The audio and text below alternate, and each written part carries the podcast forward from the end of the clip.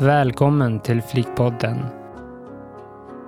Här möts olika generationer med erfarenhet av flykt, förföljelse och utanförskap. Jag heter Alexander Rezai och jag är 20 år gammal. Jag är född i Afghanistan och flydde till Sverige som 14-årig.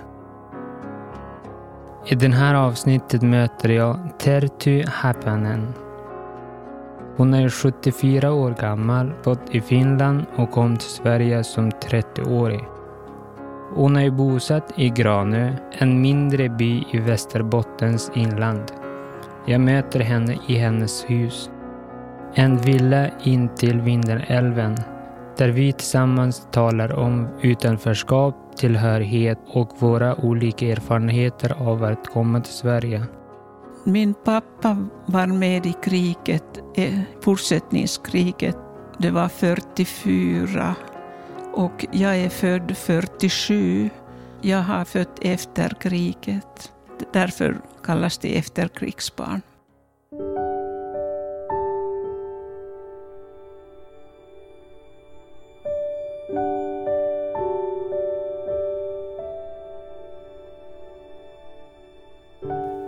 Fortsättningskriget är det krig som utspelades mellan Finland och Sovjetunionen under andra världskriget. I den finska efterkrigstiden var framtiden osäker. Förhoppningen om den fortsatta freden skör och ekonomin dålig. I kriget var det många som hade dött. Främst unga män som stred vid fronten. Pappa var med i kriget och skadades. Han fick splittror i huvudet och sen långt därefter började splittrorna röra på och han blev erkänd som krigsinvalid lång, många år efteråt när han, fick, han blev sjuk och han fick så starka mediciner och då började splittrorna röra på sig, att det kom var i huvudet. För ett par somrar sedan, då jag jobbade på ett äldreboende, kom jag i kontakt med en äldre dam. I likhet med mig hade hon flytt till Sverige. När hon berättade att hon i sin ungdom flytt från Finland blev jag väldigt förvånad. Var inte Finland precis som Sverige ett land som stått utanför krigen och var präglad av fred? Det har varit fortsättningskriget men innan dess var vinterkrig. Och därefter, efter kriget blev väldigt fattigt, kämpigt. Sverige var sådana storebror som blomstrade med bra ekonomi och behövde arbetskraft. Och det var arbetskraftsinvandringen som blev så stor. Sverige var som min räddning. Och lönen var jättemycket här att jag skämdes att få så mycket pengar när jag fick svenska lönen. Så det var sån stor skillnad? Ja, det var så mycket. Och då var svenska kronan bättre värd än idag också. Att det var, då sändes det ännu mera. Jag minns när jag kom till Sverige, tåget stannade i Malmö. När jag såg ju den här skylten där stod Välkommen Sverige på mitt modersmål. Då var jag väldigt glad. Alltså man fick ju den känslan att wow, vilket land. Och så äh, mötte vi en äh, som jobbade där som ordningsvakt. Jag minns att ordningsvakten sa ju då att vi har möjlighet att stanna i Sverige. Han berättade mer om Sverige. Han berättade mycket om skolan, om att man har möjlighet att plugga till vad man vill. Jag hade inte hört någonting om Sverige förrän den här ordningsvakten berättade. Vi sökte bara ett land där vi kunde leva i fred, gå i skolan, plugga. Och uh, vi fick ju den känslan att ja, man, här kan vi börja ett nytt liv.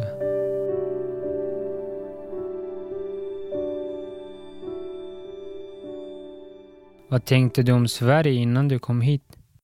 Jag visste inte så mycket om Sverige. jag bara var lite fundersam att kan de bygga vägar och bastar de aldrig och de kan vara smutsiga när de inte är i bastu. Det är konstiga saker när man inte vet om länderna. Jag jämför Sverige och Finland att här i Sverige är mera jämlikt land och tänkte i Sverige fick även städerskorna får bra lön. Det tyckte jag var konstigt. Att det var så jämlikt på många sätt här i Sverige. Minns du vad som var största omställningen för dig? Det var språket, svårt och jag fick ont i huvudet när man hörde så mycket svenska. Och min syster bor i Umeå. Under lunchen gick jag till henne att jag fick prata finska en stund. Men jag tyckte om, om svenska, att höra, för att den är så mjuk och sjungande och det var så annorlunda. Nästan jag tyckte var konstigt det här finska är, det låter så hårt.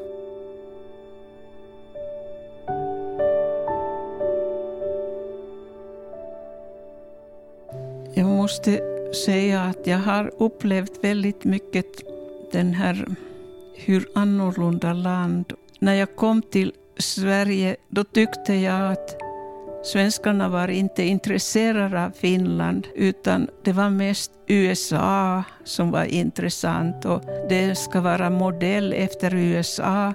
Men det var så liten om Finland att eftersom jag alltid hade bott i Finland och väntade jag mig att jag ska vara mera intresserad av Finland. Men nej, då har man vänt ryggen till Finland. Så upplevde jag. Jag känner igen mig i det Terttu berättar. Även jag upplevde att ingen var intresserad av mig, av min berättelse. Vindarna är ett litet samhälle.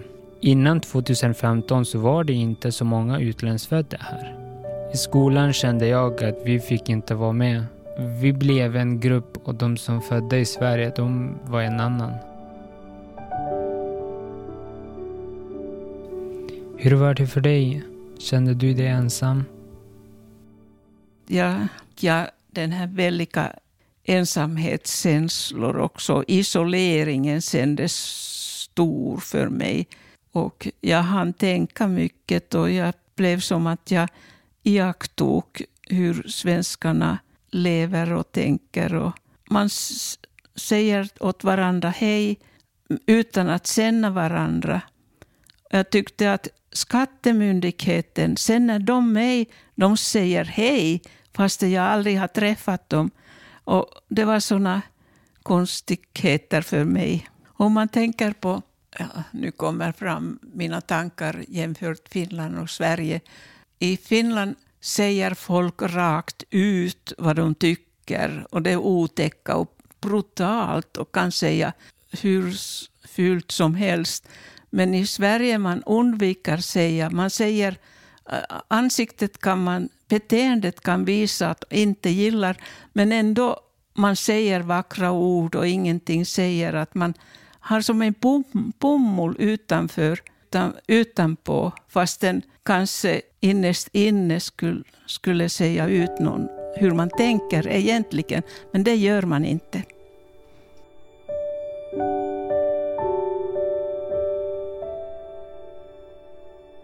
I samtal med Terto kan jag känna igen mig i det hon berättar. Om hur det var att komma till Sverige, ensamhetskänslor, att vara en del av samhället men ändå inte. Det som skiljer vår historia åt är att Finland och Sverige är grannländer. Länder som delar en månghundraårig historia.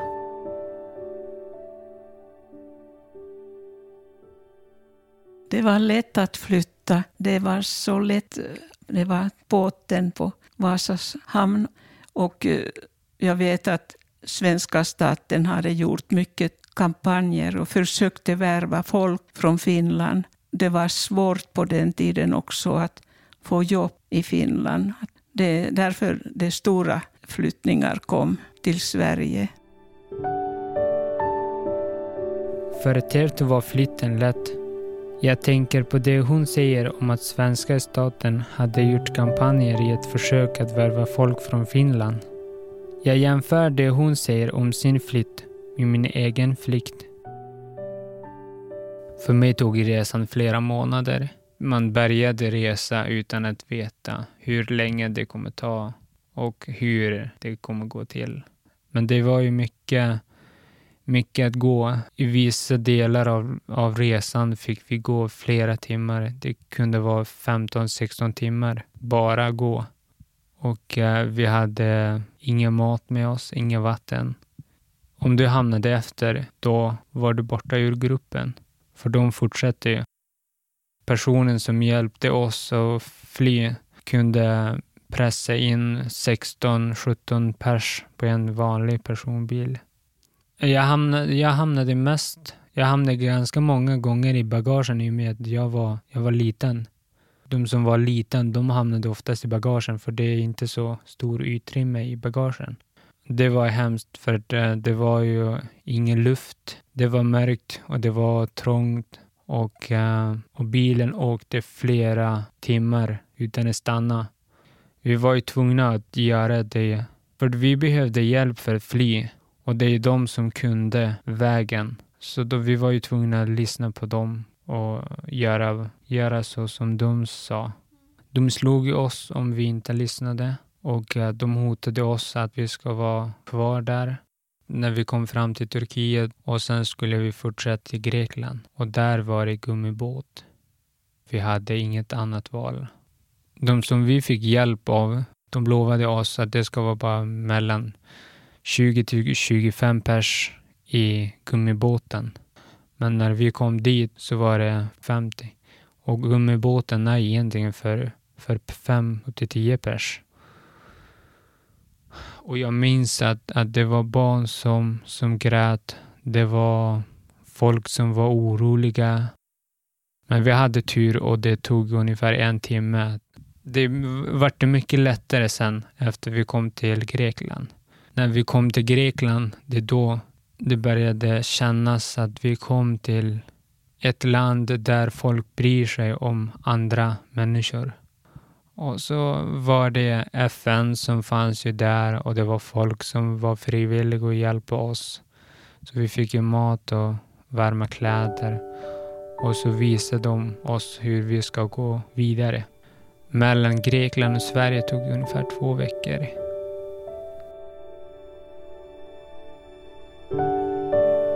När jag kom till Sverige så kände jag mig välkommen. Eh, men sen när det började med med asylprocessen var det väldigt jobbigt. Det var många som var oroliga på boendet där jag bodde. Det var fler som hade fått avslag och riskerade att bli utvisad. Och många av mina kompisar som bodde där jag bodde, de fick avslag och uh, gav upp och uh, åkte tillbaka frivilligt i och med att det var så tufft. Det var en jobbig period från att söka asyl till att få uppehållstillstånd. Vi behöver inte någonting sådant. Det finländarna fick flytta till Sverige helt fritt. Det är samma till Norge och så mellan länderna. Det behövs inte någonting. När jag blev beviljad uppehållstillstånd i Sverige har jag varit fast besluten att bli en del av det svenska samhället. Lära mig svenska, prestera i skolan och arbeta. Men det har inte alltid varit lätt.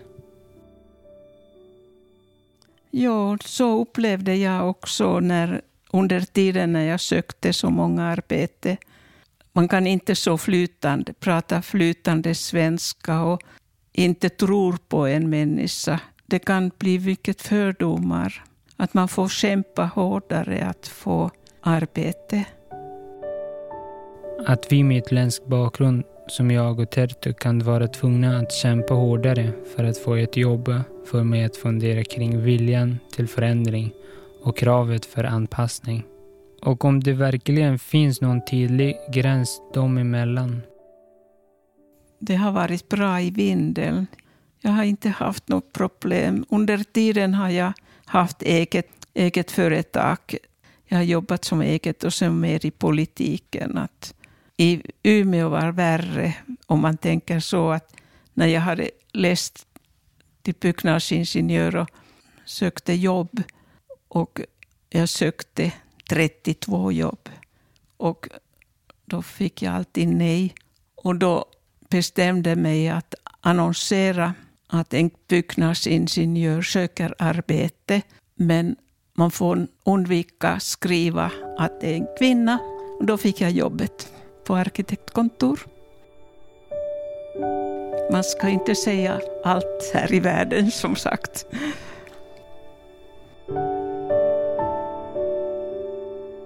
Tertu berättar hur hon på den svenska ingenjörsindustrin ständigt upplevde sig bli bemött utifrån två ofrånkomliga tillkortakommanden.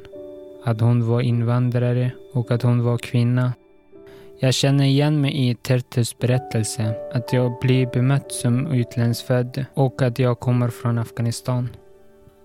Efter jag hade bott i Sverige i fem år beslutade jag mig för att byta namn till Alexander. Jag valde att byta namn för att jag vart mobbad i skolan för att min lärare kallade mig för farfar för han kunde inte mitt namn. Och så efter det så var det hela skolan som kallade mig för farfar. Efter jag bytte namn till Alexander så fick jag inga frågor om vilket land jag kommer ifrån och hur länge jag har bott i Sverige.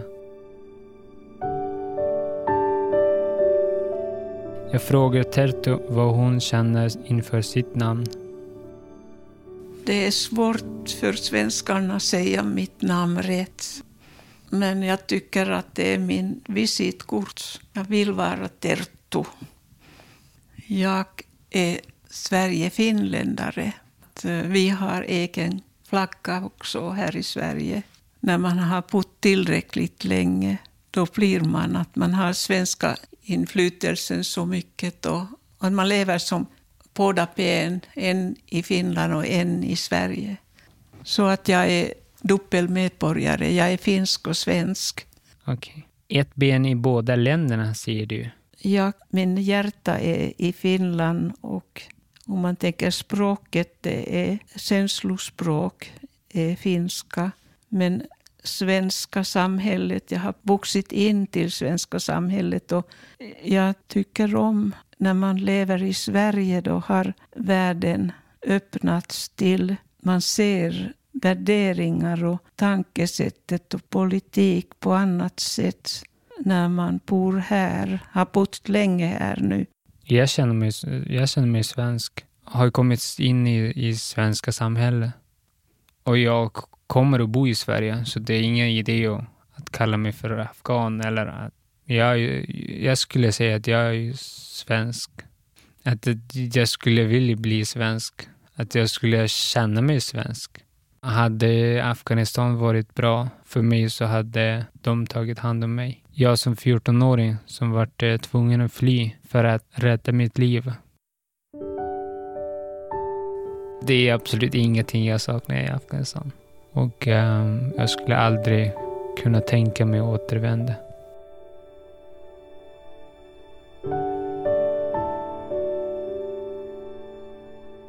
Det är mycket känslomässigt.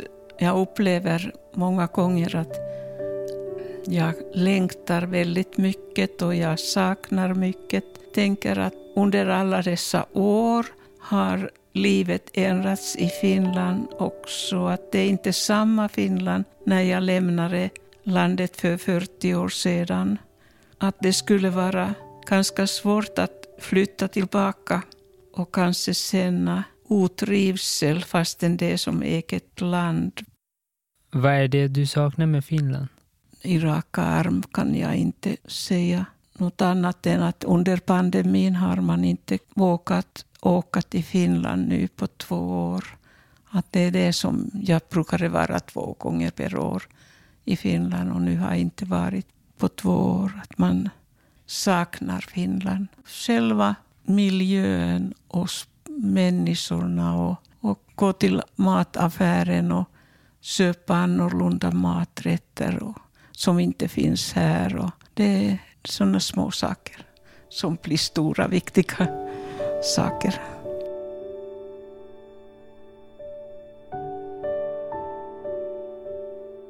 Tertio har inte besökt Finland på två år.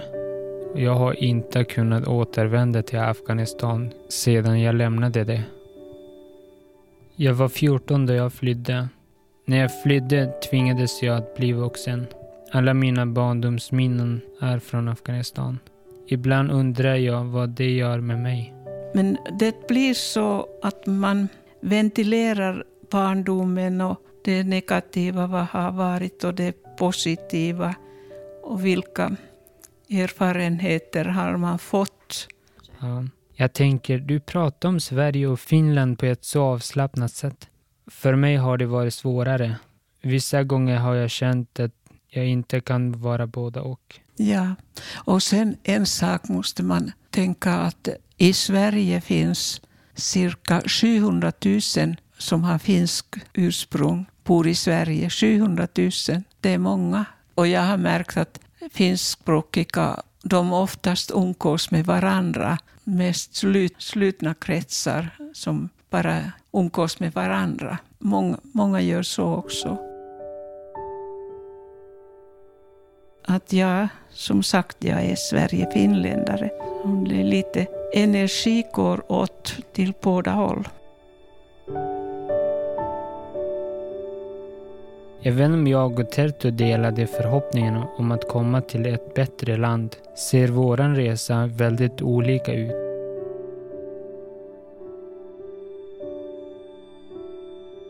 Det har varit så lärorikt att få lyssna på din historia. Mycket intressant. Det var väldigt bra för mig att höra.